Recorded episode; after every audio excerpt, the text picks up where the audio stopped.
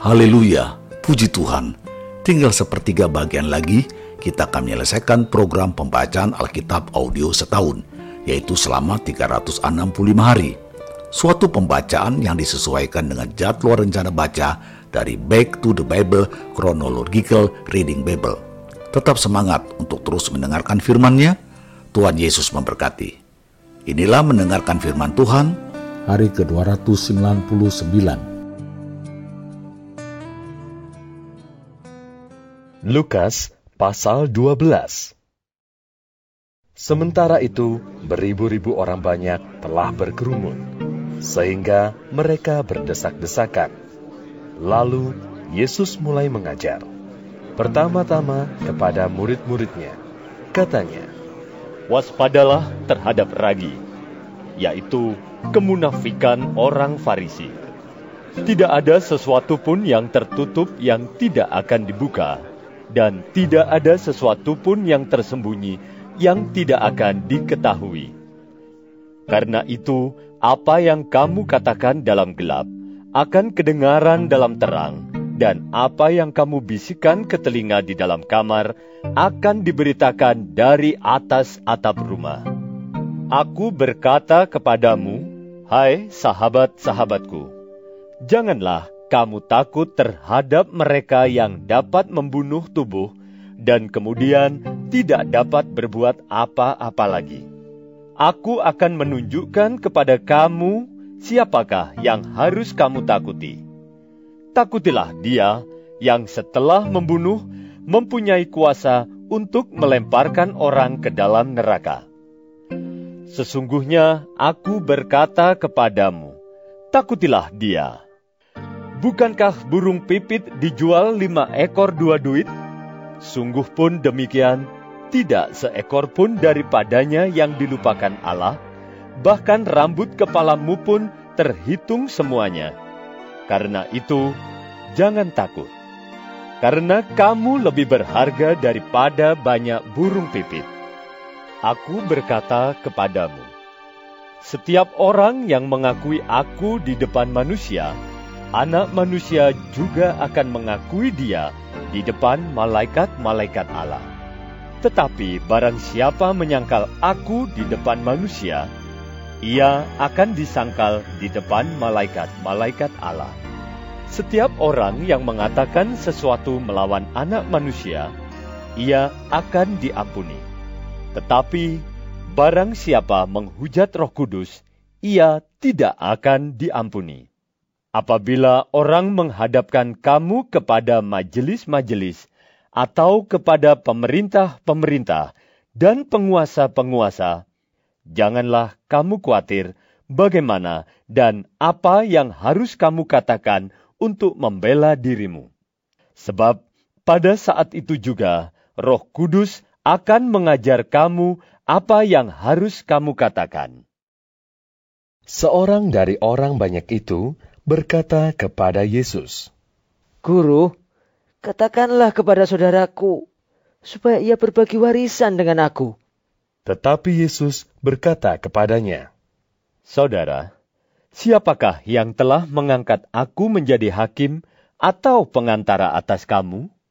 Katanya lagi kepada mereka, Berjaga-jagalah dan waspadalah terhadap segala ketamakan. Sebab, walaupun seorang berlimpah-limpah hartanya, hidupnya tidaklah tergantung daripada kekayaannya itu. Kemudian, ia mengatakan kepada mereka suatu perumpamaan. Katanya, Ada seorang kaya, tanahnya berlimpah-limpah hasilnya. Ia bertanya dalam hatinya, Apakah yang harus aku perbuat? Sebab aku tidak mempunyai tempat di mana aku dapat menyimpan hasil tanahku. Lalu katanya, Inilah yang akan aku perbuat.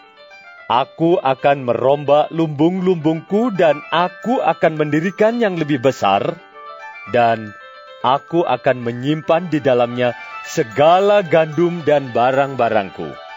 Sesudah itu, aku akan berkata kepada jiwaku, Jiwaku, ada padamu banyak barang, tertimbun untuk bertahun-tahun lamanya. Beristirahatlah. Makanlah, minumlah, dan bersenang-senanglah. Tetapi firman Allah kepadanya, Hai engkau orang bodoh, pada malam ini juga jiwamu akan diambil daripadamu, dan apa yang telah kau sediakan, untuk siapakah itu nanti? Demikianlah jadinya dengan orang yang mengumpulkan harta bagi dirinya sendiri, jikalau ia tidak kaya di hadapan Allah. Yesus berkata kepada murid-muridnya, Karena itu aku berkata kepadamu, janganlah khawatir akan hidupmu, akan apa yang hendak kamu makan, dan janganlah khawatir pula akan tubuhmu, akan apa yang hendak kamu pakai. Sebab hidup itu lebih penting daripada makanan, dan tubuh itu lebih penting daripada pakaian. Perhatikanlah burung-burung gagak yang tidak menabur dan tidak menuai, dan tidak mempunyai gudang atau lumbung, namun demikian diberi makan oleh Allah. Betapa jauhnya kamu melebihi burung-burung itu. Siapakah di antara kamu yang karena kekhawatirannya dapat menambahkan sehasta pada jalan hidupnya? Jadi, jikalau kamu tidak sanggup membuat barang yang paling kecil, mengapa kamu khawatir akan hal-hal lain? Perhatikanlah bunga bakung yang tidak memintal dan tidak menenun, namun aku berkata kepadamu, Salomo dalam segala kemegahannya pun tidak berpakaian seindah salah satu dari bunga itu. Jadi, jika rumput di ladang, yang hari ini ada dan besok dibuang ke dalam api, demikian didandani Allah, terlebih lagi kamu, hai orang yang kurang percaya. Jadi janganlah kamu mempersoalkan apa yang akan kamu makan, atau apa yang akan kamu minum, dan janganlah cemas hatimu. Semua itu dicari bangsa-bangsa di dunia yang tidak mengenal Allah. Akan tetapi Bapamu tahu bahwa kamu memang memerlukan semuanya itu.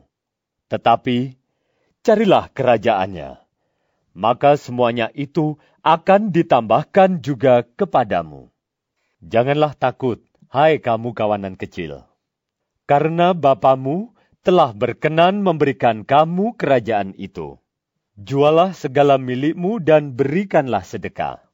Buatlah bagimu pundi-pundi yang tidak dapat menjadi tua.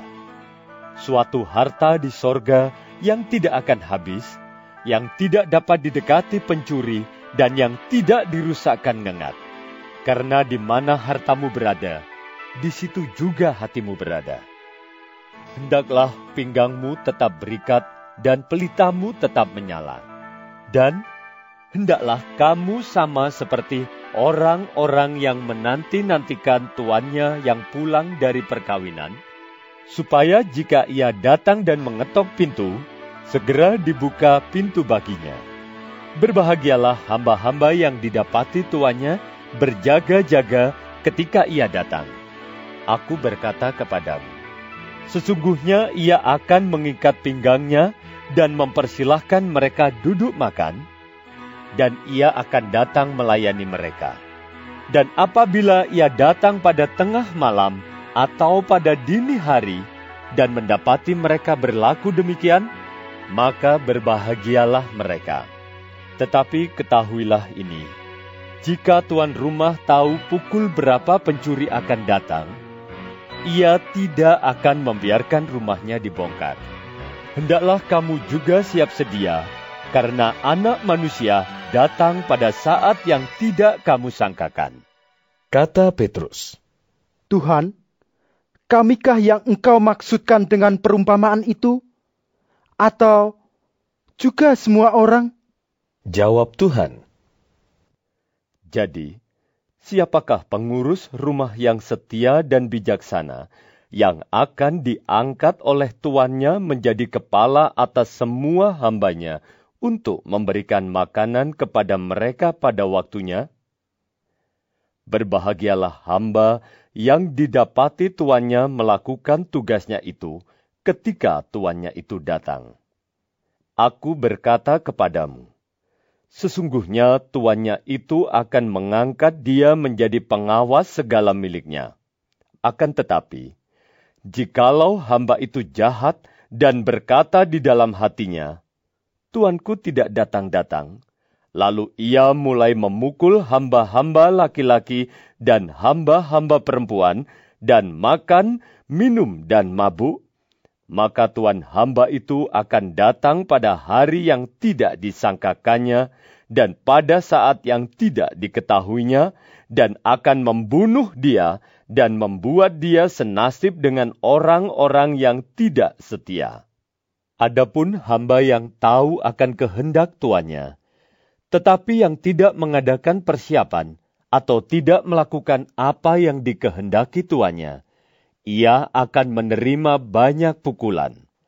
Tetapi barang siapa tidak tahu akan kehendak tuannya dan melakukan apa yang harus mendatangkan pukulan, ia akan menerima sedikit pukulan.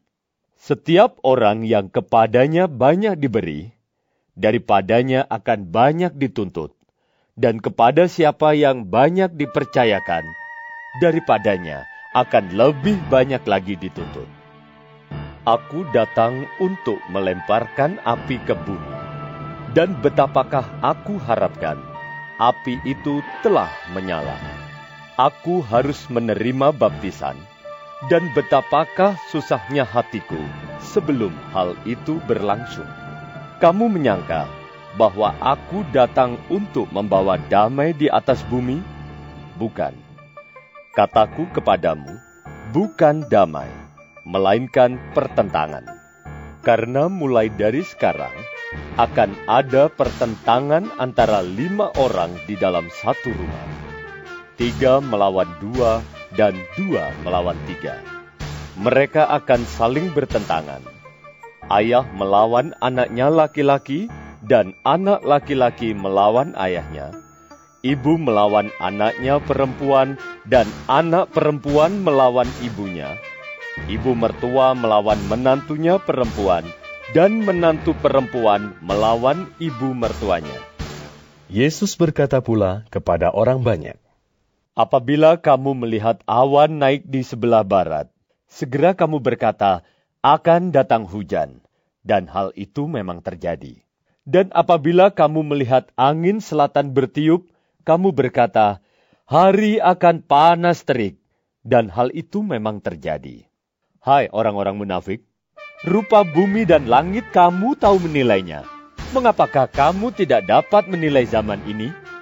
Dan mengapakah engkau juga tidak memutuskan sendiri apa yang benar? Sebab, jikalau engkau dengan lawanmu pergi menghadap pemerintah, berusahalah berdamai dengan dia selama di tengah jalan, supaya jangan engkau diseretnya kepada hakim dan hakim menyerahkan engkau kepada pembantunya, dan pembantu itu melemparkan engkau ke dalam penjara. Aku berkata kepadamu, engkau tidak akan keluar dari sana sebelum engkau membayar hutangmu sampai lunas. Lukas pasal 13 Pada waktu itu datanglah kepada Yesus beberapa orang membawa kabar tentang orang-orang Galilea yang darahnya dicampurkan Pilatus dengan darah korban yang mereka persembahkan. Yesus menjawab mereka, Sangkamu orang-orang Galilea ini lebih besar dosanya daripada dosa semua orang Galilea yang lain karena mereka mengalami nasib itu? Tidak, kataku kepadamu. Tetapi jikalau kamu tidak bertobat, kamu semua akan binasa atas cara demikian. Atau sangkamu, ke-18 orang yang mati ditimpa menara dekat Siloam, lebih besar kesalahannya daripada kesalahan semua orang lain yang diam di Yerusalem? Tidak, kataku kepadamu. Tetapi jikalau kamu tidak bertobat, kamu semua akan binasa atas cara demikian. Lalu Yesus mengatakan perumpamaan ini. Seorang mempunyai pohon ara yang tumbuh di kebun anggurnya. Dan ia datang untuk mencari buah pada pohon itu, tetapi ia tidak menemukannya. Lalu ia berkata kepada pengurus kebun anggur itu, "Sudah tiga tahun aku datang mencari buah pada pohon ara ini, dan aku tidak menemukannya. Tebanglah pohon ini. Untuk apa ia hidup di tanah ini dengan percuma?"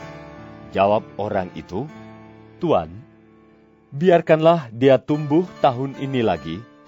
Aku akan mencangkul tanah sekelilingnya dan memberi pupuk kepadanya." Mungkin tahun depan ia berbuah.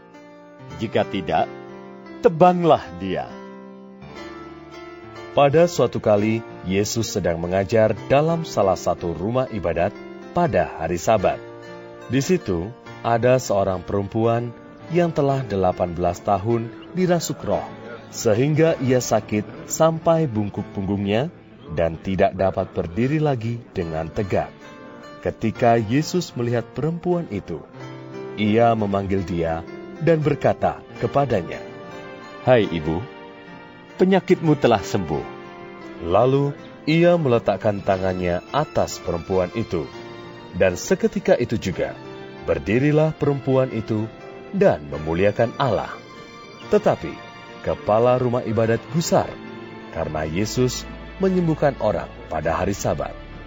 Lalu ia berkata kepada orang banyak, Ada enam hari untuk bekerja, karena itu datanglah pada salah satu hari itu untuk disembuhkan, dan jangan pada hari sabat. Tetapi Tuhan menjawab dia, katanya, Hai orang-orang munafik, bukankah setiap orang di antaramu melepaskan lembunya atau keledainya pada hari sabat dari kandangnya dan membawanya ke tempat minuman? Bukankah perempuan ini yang sudah 18 tahun diikat oleh iblis harus dilepaskan dari ikatannya itu karena ia adalah keturunan Abraham?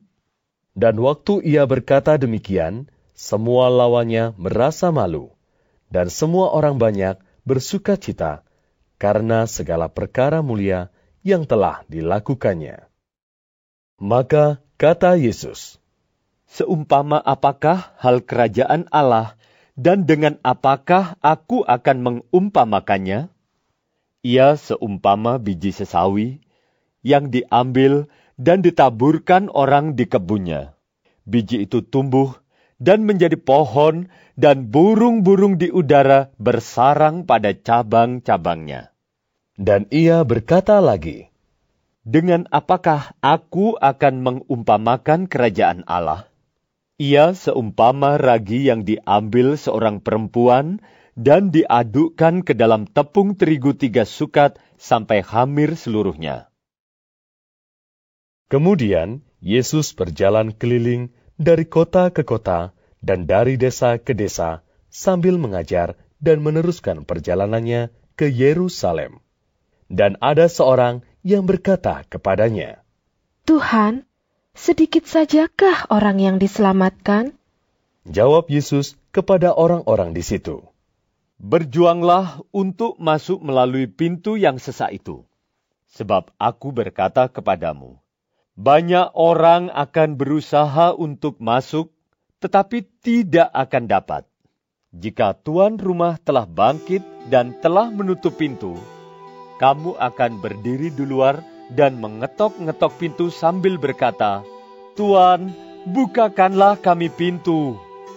Dan ia akan menjawab dan berkata kepadamu, Aku tidak tahu dari mana kamu datang. Maka kamu akan berkata, Kami telah makan dan minum di hadapanmu, dan engkau telah mengajar di jalan-jalan kota kami. Tetapi ia akan berkata kepadamu, Aku tidak tahu dari mana kamu datang. Enyahlah dari hadapanku. Hai kamu sekalian yang melakukan kejahatan. Di sanalah akan terdapat ratap dan kertak gigi apabila kamu akan melihat Abraham dan Ishak dan Yakub dan semua nabi di dalam kerajaan Allah, tetapi kamu sendiri dicampakkan keluar dan orang akan datang dari timur dan barat, dan dari utara dan selatan, dan mereka akan duduk makan di dalam kerajaan Allah. Dan sesungguhnya ada orang yang terakhir yang akan menjadi orang yang terdahulu, dan ada orang yang terdahulu yang akan menjadi orang yang terakhir. Pada waktu itu, datanglah beberapa orang Farisi dan berkata kepada Yesus, Pergilah, tinggalkanlah tempat ini, karena Herodes hendak membunuh engkau. Jawab Yesus kepada mereka, Pergilah dan katakanlah kepada si serigala itu, Aku mengusir setan dan menyembuhkan orang pada hari ini dan besok dan pada hari yang ketiga aku akan selesai. Tetapi hari ini dan besok dan lusa, aku harus meneruskan perjalananku. Sebab tidaklah semestinya seorang nabi dibunuh kalau tidak di Yerusalem. Yerusalem, Yerusalem, engkau yang membunuh nabi-nabi dan melempari dengan batu orang-orang yang diutus kepadamu. Berkali-kali aku rindu mengumpulkan anak-anakmu, sama seperti induk ayam mengumpulkan anak-anaknya di bawah sayapnya. Tetapi kamu tidak mau. Sesungguhnya rumahmu ini akan ditinggalkan dan menjadi sunyi. Tetapi aku berkata kepadamu, kamu tidak akan melihat aku lagi hingga pada saat kamu berkata, Diberkatilah dia yang datang dalam nama Tuhan. Tetap semangat, teruskanlah mendengarkan firman Tuhan. Sampai jumpa esok.